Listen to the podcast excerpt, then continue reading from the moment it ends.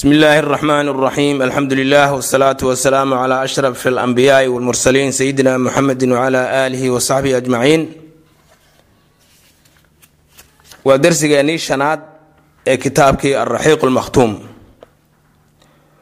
waqad rasaqa allaahu alla subxaanahu wa tacaala wuxuu ka siiyey uu kaga arsaaqay inagu sidaasaan idhahnaa hebel ilaahay wuxuu ka siiyey xaaskii sidaas ahaa intaasoo caruura intaasoo ubada ayaan idhaahnaa waqad rasaqa allaahu alla subxaanahu wa tacaala wuxuu ka siiyey ismaaciila nabi ismaaciil min ibnati mudaad. Mudaad inantiisii uu guursaday oo xaaskiisii labaad ahayd. Aabbihina uu kula dardaarmay uu yihi gurigaaga fiyaaradiisa adkee oo dhidibada u as alla wuxuu ka siiyey ithnay cashara waladan dakaran laba-iyo toban wiil ayuu alla ka siiyey. Intaasay u dhashay. Wahum kuwaasi. Magacyadooda unbaa la tirinaya waa magacyo. Kolley magacii waagaa la bixiyey micno unbuu lahaa laakiin hadda micnahaasi way naga lumay. Dadkii la baxay ayaa yaqaana. Magacyadu waxay ahaayeen labaiyo tobankii wiil magacyadoodu.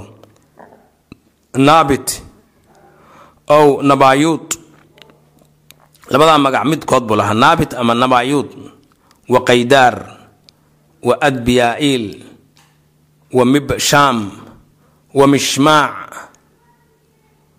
wa mishmaac wa duuma wa miisha wa xadad wa taymaa wa yatuur wa nafiis wa qaydumaan intaasay ahaayeen. Labiiyo tobankaa wiil ayay u dhashay gabadhii ahayd ina mudaad.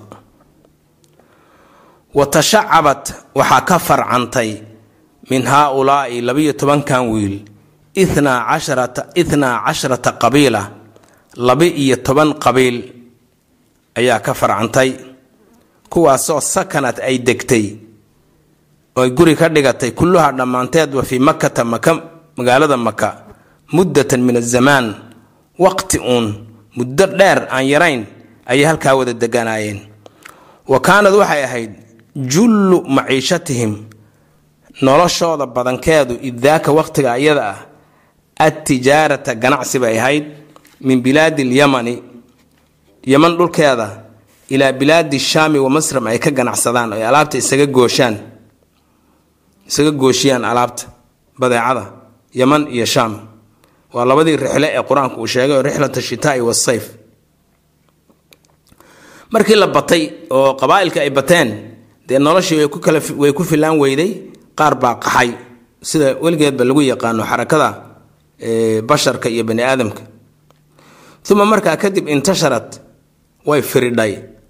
Haadihi alqabaa'ilu qabaa-ilkan iyaga ee ka farcamay nabiyullaahi ismaaciil ee labiyo tobanka ah qabaa-ilkii ka sii farcamay waxay ku kala firdheen fii arjaa'i aljasiirati jasiirad okeyda oo ekeyda carabta ah dacalladeeda iyo daafaheeda ayay ku kala firdheen. Bal wa ilaa khaarijiha xataa bannaankeedana way u baxeen. Uma markaa kadib adrajat way biday axwaaluhum arrimahoodii fii khayaahibi zamaan. Zamanka mugdiyadiisa ayay ku kala bideen. Oo waxa weeyaan wax war iyo wacaal aho laga hayo. Jaan iyo cidhib meel ay dhigeen. Wax laga ogyahay ma jiro ilaa awlaadu naabit wa qaydaar labadaa wiil ee naabit iyo qaydaar la yidhaahdo ubadkoodii iyo tarankoodii labadaa unbaa war laga hayaa. Amaa tobankii kale soo maaha warkoodii wuxuu ku biday oo uu ku baaba-ay waqtiga mugdigiisa. Marka inay baaba-een inay weli nool yihiin inay yihiin waxaan adduunyada maanta ku wada nool oo yurubkan iyo dadkan cadaanka iyo waxaasoo dhan inay yihiin iyo in kale cid garanaysa ma jirto laakiin labadaasaa soo hadhay. Awlaadu naabit wa qaydaar. Labadaas.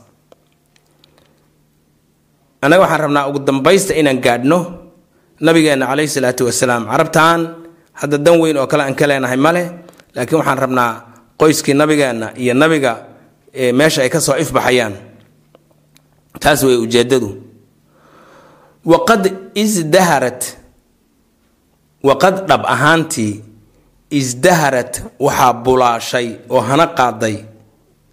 Xadaaratul ambaad nimanka ambaadda laydhaha ilbaxnimadoodii iyo dowladnimadoodii ayaa bulaashay oo hana qaaday. Ambaadaasoo abnaau naabit ninka naabit la yidhaahdo inamadiisii ah. Caruurtii uu dhalay ninkaasi ama wiilashuu dhalay. Yaa waxay sameeyeen ilbaxnimo weyn oo hana qaaday oo bulaashay ayay lahaayeen fii shamaali xijaaz dhulkan xijaaz la yidhaahda waqooyigiisa qaar ahaan gaar ahaan meesha urdun la yidhaah wey. Dhulkan hadda urdun loo yaqaan.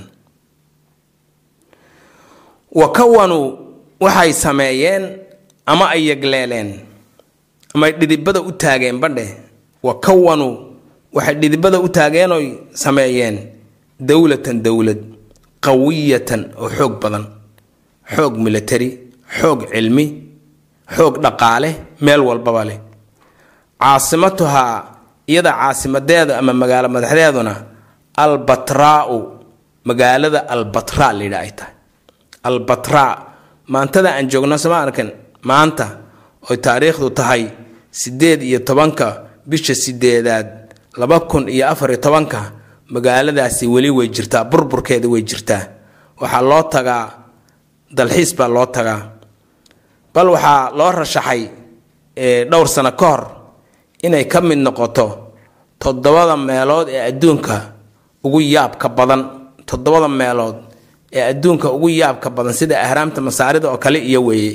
Sidaasaa waxa weeye waxaa loogu tagaa dalxiisku. Yaa dalxiis loo aadaa oo maxaanku idhaha maalin kasta dad dalxiisayaaya dalxiisayaala ayaa meeshaas ag taagan oo sawiranaya albatra magaalo la yaqaano weeye. Almadiinatu magaaladii al athariyati ee gabo ee raadka lahayd raad raadki dadkii hore athariyada saas weeyaan aathaar waa dadkii hore raadka ay ka tageen. Almadiinatu magaaladii al athariyati ee loo nisbeeyey raadkii dadkii hore. Waa nimanka ambaad ahaa ee naabit ibnu ismaaciil dadka uu dhalay ee ka farcmay ay ay dhisteen alqadiimati ee gabowday almacruufati ee la yaqaano oo fii januubi lurdun urdunka koonfurteeda ku taalla. Waqad daana waxaa u hogaansamay waxaa u hoggaansamay lihaadihi dowlati dowladan iyada ah dowladdan iyada ah waxaa u hoggaansamay annabatiyati ee reer nabad ambaadna waa la dhaha jamcu tagsiir tanna waa jamci kale. Annabatiyati nisbo kale weeye. Man cid kasta oo biatraafihaa daafaheeda iyo xuduudeeda ah oo dhanna way ka cabsan jireenoo iyagaa xukumi jiray oo waa loo hogaansamay. Waqad daana waxaa u hogaansamay. Oo u hogtay. Oo amarkooda qaatay.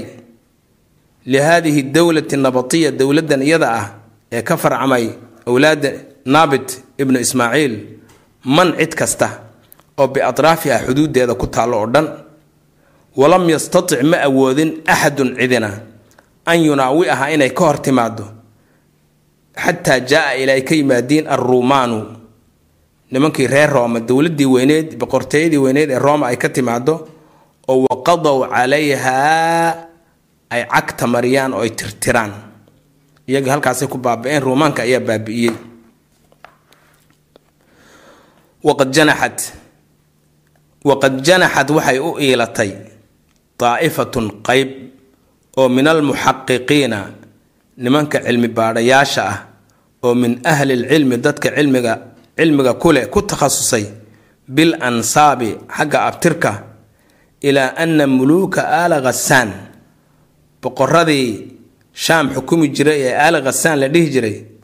Wakadalika sidaasoo kale wakadaa sidaasoo kale al ansaaru ansaartii oo min al aws walkhasraj inamaa kaanuu cid kale maysan ahayn waxay ahaayeen min aali naabit ibni ismaaciil. Marka riwaayaddii aan soo aragnay darsigii ka horreeyay dadkaasi inay ahaayeen abnaau kahlaan kahlaan inay ka yimideen iyo azad iyo yay riwaayad ka hor imanaysa weeye. Niman badan oo cilmi baadhayaal ah oo ku takhasusay xagga cilmiga abtirka yaa waxay leeyihiin nimankii boqorada ahaa ee shaam xukumay ee ali khasaan la dhihi jiray iyo awsiya khasraj maysan ahayn abnaau kahlaan maysan ahayn oo qaxtaaniyiin maysan ahayne waxay ahaayeen naabit ibnu ismaaciil baa dhalay. Waan arki doonaa riwaayad kale oo intaas ka wada xoog badan oo imaam bukhaari xataa uu qabo waxa weeye qaxtaanka naftiisa qaxtaan naftiisu wuxuu ahaa naabit ibnu ismaaciil baa dhalay yacrub ibnu yashjub yashjub ibnu yacrub xaggaas ma ahayn. Waqad janaxad waxay u ilatay daa'ifatun kooxo min almuxaqiqiina nimanka cilmi baadhayaasha ah oo min ahli lcilmi bilansaabi kuwa ku takhasusay ee aqoonta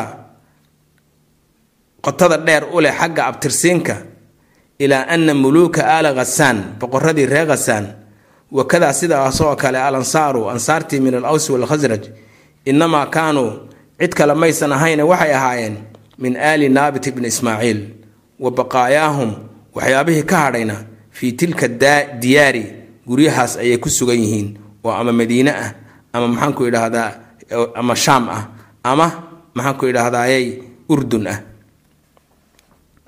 wa ilayhi arrintaa iyada ah yumaala isna uu u baydhay uu u weecday uu u leexday oo uu qabaa weeye.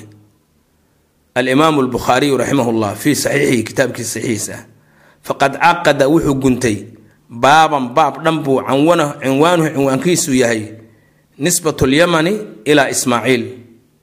Nisbatu lyamani yaman inay ku abtirsataba yamantan dadkeedu ilaa ismaaciil inay ku abtirsato. Wastadalla calayhi wuxuu u daliishaday bibacdi alaxaadiidi axaadiista qaarkeed. Wa rajaxa isna wuxuu rajaxay uu xoojiyey. Rujxaanka waxaa la yidhaha marka wax la miisaamayo labada kafadood ee wax lagu bardaamaya ama wax lagu miisaamaya markay mid la xoojiyo ay cuslaato. Kaasaa rujxaan la yidhaha marka wuxuu xoojiyey uu cuslaysiiyey uu culays saaray. Uu leeyahay dhinacana fiican. Wa rajaxa alxaafid ibnu xajar ibnu xajar alcasqalaani weeyaane waa ninka saaxib alfatxi ah nin la garan waayo maahane ninkaasina wuxuu xoojiyey uu culayska xagga saaray culayska uu saaray fii sharxii sharxiisii anna qaxtaan qaxtaan naftiisu min aali naabit ibni ismaaciil inuu ahaa. Marka naabit ibnu ismaaciil waxaasoo dada ayuu dhalay laakiin weli annaga meeshaan u soconnay oo nabigeenna nasabkiisa ah waxaasoo idil naabitka aya ma marayo ismaaciil qaydaar xaggiisuu ka imanayaa nabigeenu caleyhi salaatu wasalaam. Wa amaa qaydaar ninka la yidhaha ibnu ismaaciil falam yazal kama aysan jixin jixin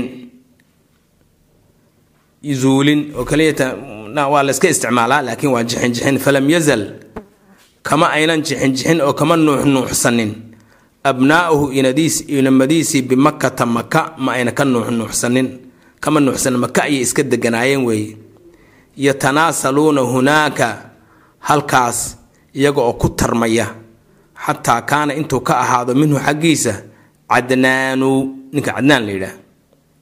Cadnaan baa marka wax koobaad oo magacaad la wada garanayo oo nabigeena nasabkiisa ah yaa ka soo baxay. Cadnaanu cadnaan iyo wa waladuhu wiilkiisii macad ahaa. Cadnaanu wa waladuhu wiilkiisii macad ahaa wa minhu isaga oo cadnaan ah. Yay xafidad waxay weelaysay alcarabu carab. Carabtii alcadnaaniyatu ee cadnaan u nasab sheeganaysay ama ku abtirsanaysay ansaabahaa abtirkeeda halkaasay ka xifdiday. Marka muxuu yahay cadnaan? Wa cadnaanu cadnaan huwa isagu. Aljaddu awowgii alxaadi waalcishruuna ee koob iyo labaatanaad weeye fii silsilati nasabi nabawi abtirka nabigeenna sala allahu calayhi wasalam nabigeenna muxameda sala allahu calayhi wasalam abtirkiisa marka la tirinayo markuu isagu aabbihii ka bilaabo cabdulaahi ah wuxuu ugu tegayaa cadnaan koob iyo labaatan waa awowgiisa koob iyo labaatanaad waqad warada waxaa soo arooray oo ku soo arooray xadiid aan qolana ay waa xasan saxiix qolana ay ma aha. Annahu rasuulku sala allahu calayhi wasalam kaana wuxuu ahaa ida ntasaba hadduu abtirsado oo fa balaqa uu gaadho cadnaana cadnaan uu gaadho yumsiku uu ka gaabsan jiray. Ma sii wadi jirin halkaa ma dhaafin jirin. Wa yaquulu wuxuu dhihi jiray kadaba nasaabuuna. Kuwa abtirsiimada sheega way been badan yihiin marka aniga halkaa dhaafi maayo falaa yatajaawashu halkaa muusan ka gudbi jirin. Marka culimo badan waxay qaateen halka ayaan la dhaafin wadahaba waxay ku tageen oy qabaan oy rumaysan yihiin. Dahabada ereyga la yidhaha saas wey dahaba wuu tegay wado la qaaday wey laakiin hadda wado la qaaday ma aha micnihii. Waa ra'yi iyo fikir iyo caqli iyo cilmi anigu saasaan qabaa. Saasaan qabaa. Wadahaba waxay qabaan. Saasaa la dhihi karaa haddii la doono wadahaba waxay qabaan jamcun in badan oo min alculamaai culammada ka mid ihi ilaa jawaasi rafci nasabi abtirka nabiga in la dhaafin karo fowqa cadnaan cadnaan in la dhaafin karo ayay qabaan. Maxay saa u qabaan? Mudacifiina iyagoo oo dhahaya waa daciif lilxadiidi xadiidkii almushaari ileyhi hadda la tilmaamay xadiidka la tilmaamay ee nabigu uu yidhi halkaa aniga markuu halkaa geeyo cadnaan markuu geeyo u dhihi jiray kadaba nasaabuuna xadiidkaasi waa daciif bay dhaheen marka maadaama uu daciif yahay lama qaadanayo waa la dhaafin karaa abtirka. Abtirsiinta nabiga waa la dhaafin karaa cadnaan walaakinahum hase aatee qolyaha culimmadii ikhtalafuu haddana waxay isku khilaafeen oo isku maandhaafeen. Fii hada aljusi qeybtan iyada ah oo ka bilaabata cadnaan cadnaan ilaa ibraahim inta u dhaxaysa. Ama ismaaciil waxaa rataba dheh. Min cadnaan ilaa ismaaciil inta u dhaxaysa. Way isku khilaafeen. Xataa hadday dhaheen xadiidkii cadnaan lama dhaafi karo ay daciifiyeen. Laakiin min cadnaan ilaa ismaaciil way isku khilaafeen iyana.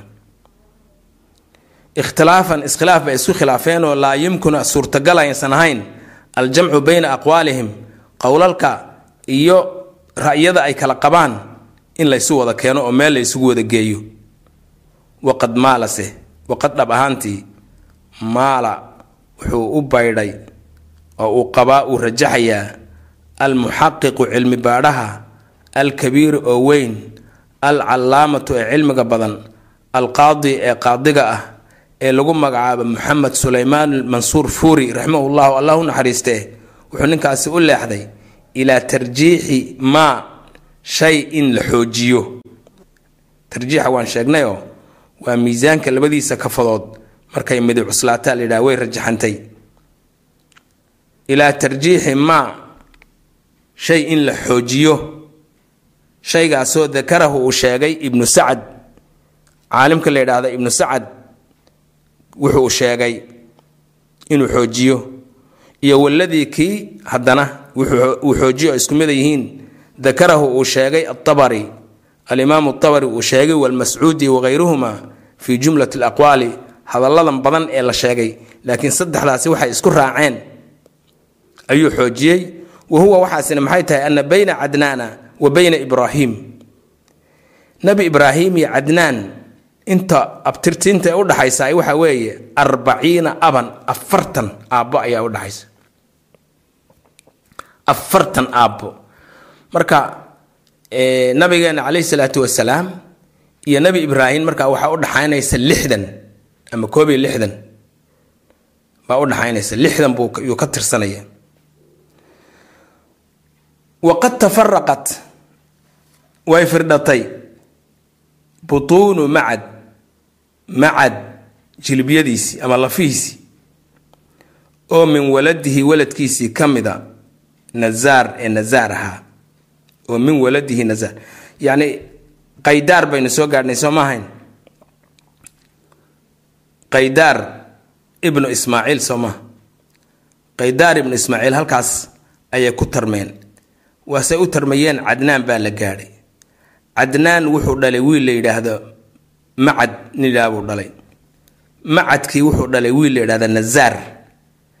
Nazaarkaasaa sii tarmay haddana. Nazaarkaas ayaa sii tarmay waqad tafaraqat way firidhay butuunu macad macad lafihiisii lafaha kala duwan ee qabiilkaas oo min waladihi wiilkiisii nazaar nazaar ahaa waqiila waxaaba la yidhi lam yakun ma uusan lahayn oo uma sugnaanin lamacad waladun hayruhu wiil kalaba ma lahayne. Waxaa ka farcamay fa kaana linazaar arbacatu awlaadin afar wiil buu dhalay. Ninka la yidhaahdo nazaar. Yani cadnaan waxaan dhihi karnaa wuxuu dhalay. Wiilal hadduu dhalay waxaa tarmay uun. Macad baa tarmay. Macadna waxaa uu dhalay oo tarmay nazaar. Nazaar baa waxaa ka farcamay afar qabiil marka. Qabiiladana carabtii aan naqiinay ee jasiira alcarabiya deganayd ay ka soo dhex bixi doonaan. Tashacabad waxaa ka farcantay minhum iyaga arbacatu qabaa'ila afar qabiil cadiimatan oo waaweyn oo maxay kuwaasi? Iyaad iyo anmaar wa rabiicata wa mudar. Labadaasaa ugu weyn carabta marka aynu naqaano rabiica iyo mudar. Rabiica iyo mudar. Marka mudar weeye ta ina khusayso oo nabigeena caleyhi salaatu wasalaam halkaas ayuu ka dha yuu ka soo dha ka soo bixi doonaa weliba gaar ahaan rabiiciya mudar baa aada u sii batay. Wahaadaani labadan. Al akhiiraani ee dambe humaa labadoodu alladaani labadii weeye labadaasoo kahurad ay badatay. Butuunuhumaa jilbyadu lafahoodii ay bateen. Watasacat ay aad iyo aad u ballaadhatay afkhaaduhumaa jilbyadii iyada ka farcamay. Fa kaana waxaa ahaaday min rabiicata haddaan rabiica ku hormarno waxaa ka mid ahaa dubayca qolyaha la yidhaah. Waa dhurwaagii yaraa moogtahay dubayca dabce iyo wa asad libaax wa min asad waxaa ka mid ahaa canaza canazadan hadda fiiri canazadan waa qoyskan boqortooyada ee sacuudiga qoyska ay ka dhasheen weeye marka durba qabaa'il la yaqaano yaa soo baxay canaza canaziyin baa la yidhaah wajadali wajadiila wa min jadiila waxaa ka mid ah alqabaa'il alkabiira alqabaa'il alkathiira qabaa'il badan almashhuuratu oo aada loo yaqaano. Mithla cabdulqays wanamir wa banu waa'il aladiina kuwaasoo minhum ay ka mid tahay bakr wa taqlib. Wa min bani bakri waxaa ka mid ah banu qays wa banu shaybaan wa banu xaniifa wagayruhuma amaa can canaza qabiilka canaza la yidhaahda fa minha waxaa ka mid a aalu sacuud reer sacuud baa ka mid a muluuku lmamlakati alcarabiya sacuudiya fii hada zamaan. Boqorada ama qoyska reer boqor ee xukuma maanta sacuudiga canaziyiintaasi ayay ka mid yihiin waa canaziyiin wa tashacabat waxaa ka farcantay qabaa'ilu mudar mudar taas hore waxay ahayd rabiica. Mudar baynu imanaynaa wa tashacabat waxaa waxaa farcantay qabaa'ilu mudar waxay u kala baxday. Wa tashacabad waxay u kala baxday qabaa'ilu mudar ilaa shucubatayni cadiimatayni. Laba laamood oo waaweyn laba faraq oo waaweyn bay u kala baxday. oo maxay yihiin? Qays caylaan ibnu mudar qays caylaan ibnu mudar wa butuuni ilyaas ibnu mudar. Haddaan soo qaadano marka fa min qays caylaan waxaa ka mid a banu saliim wa banu hawaasin wa banu thaqiif waa kuwa daa'if dega wa banu sacsaca wa banu khatfaan waa nimankii najid degi jiray ee maaragtay xoogga badnaa ee reer qabiilka reebaadiyaha ahaa. Wa min khatfaana waxaa ka mid a cabas iyo dubnaan waa kuwii islayn jiray ee shicirka badan laga tiriyey cabas iyo dubnaan. Wa asjac baa ka mid a waxaa ka mid ahaa ninkii nucaym ibn cabdilaahi alasjaci ninkii halyeyga ka ahaa ghaswat lkhandaq ee isku diray yuhuuddii iyo gaaladii iyo dhexdooda jabiyey buu ahaa nucaym ibn cabdillahi alasjaci.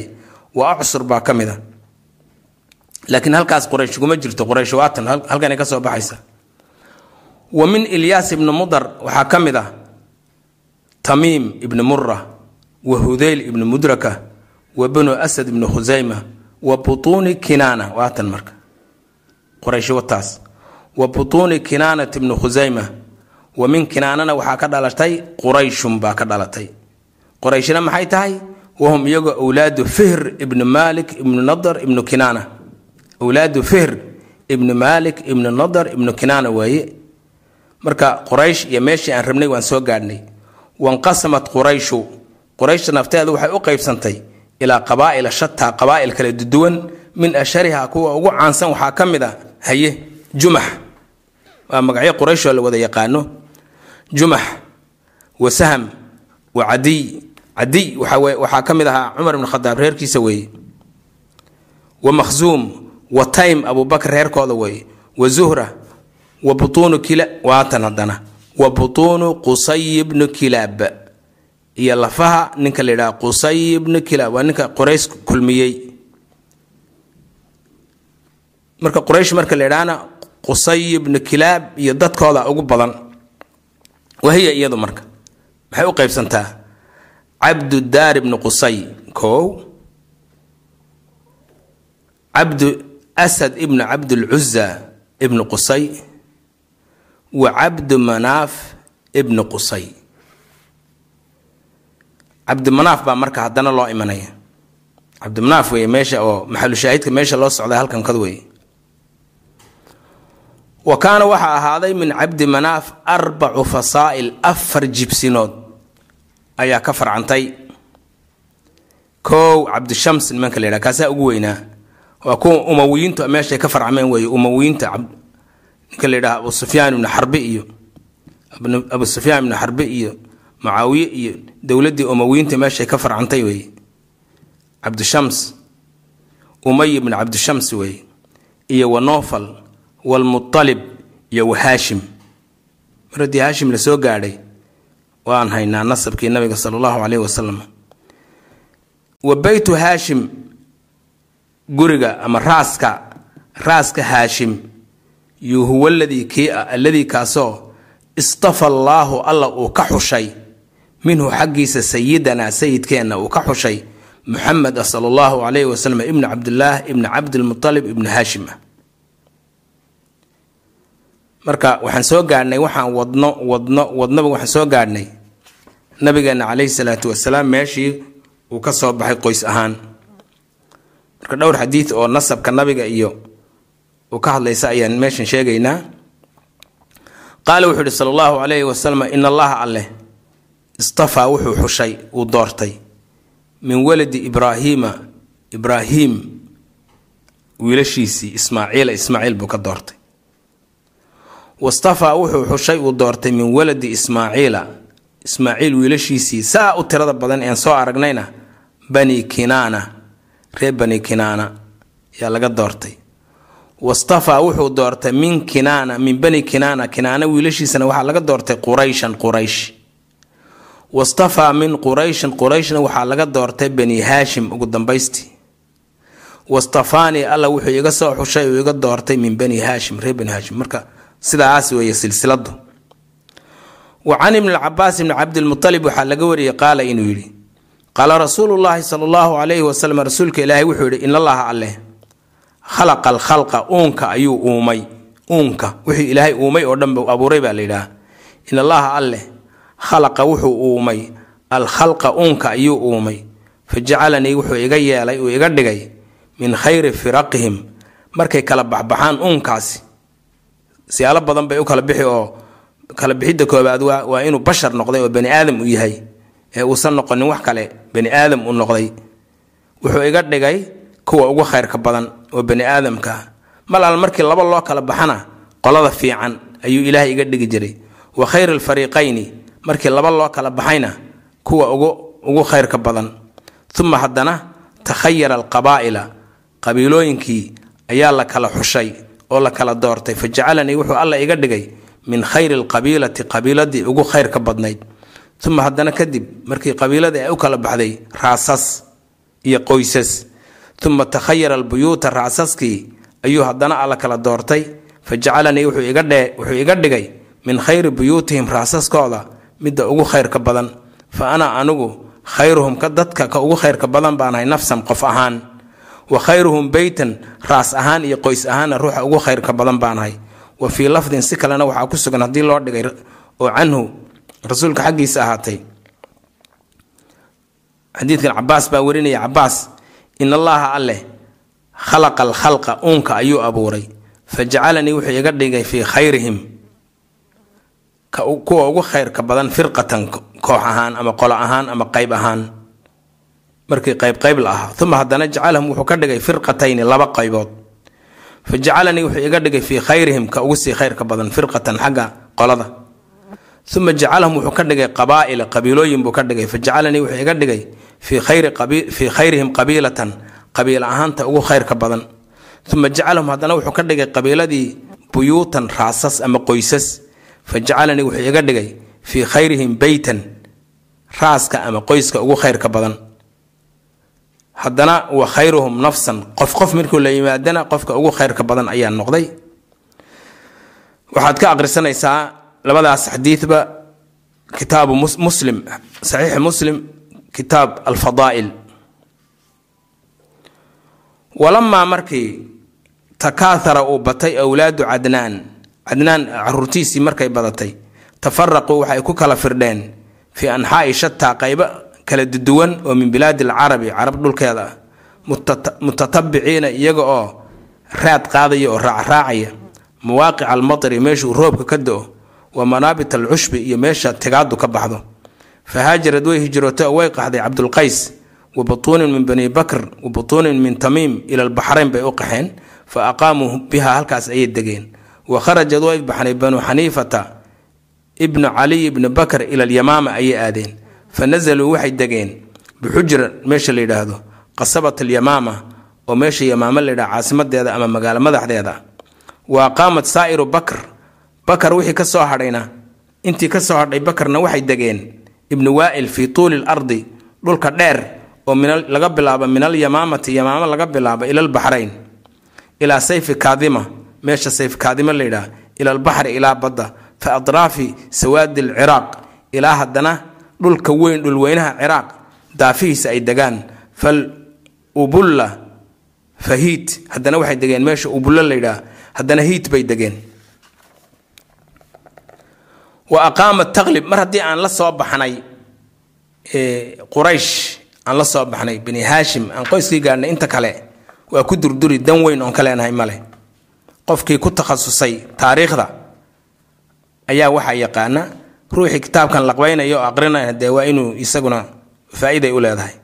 Wa aqaamad waxay degtay ay ku nagaatay qabiilada taqlib layidhaha biljasiira alfuraatiya jasiirada furaat webigan weyn ee ciraaq iyo suuriya iyo mare ee furaat layidhaha iyo turki intuu ka soo baxo buuraha turkiya ka yimaado. Meel jasiiradu ku faafo na waxaa degay nimanka taqlib layidhaha wa minha waxaa ka mid a taqlib butuunun lafo ayaa ka mid oo kaanad ahayd. Tusaakinu bakran bakar kuwa la dega. Wa sakanad way degtay banu tamiim bibaadiyati lbasra basra. Baadiyaheeda ayay degeen banu tamiim niman waxay ahayn dagaalyahana oo waqtigii maaragta islaamka niman khatara ayay ahaayeen.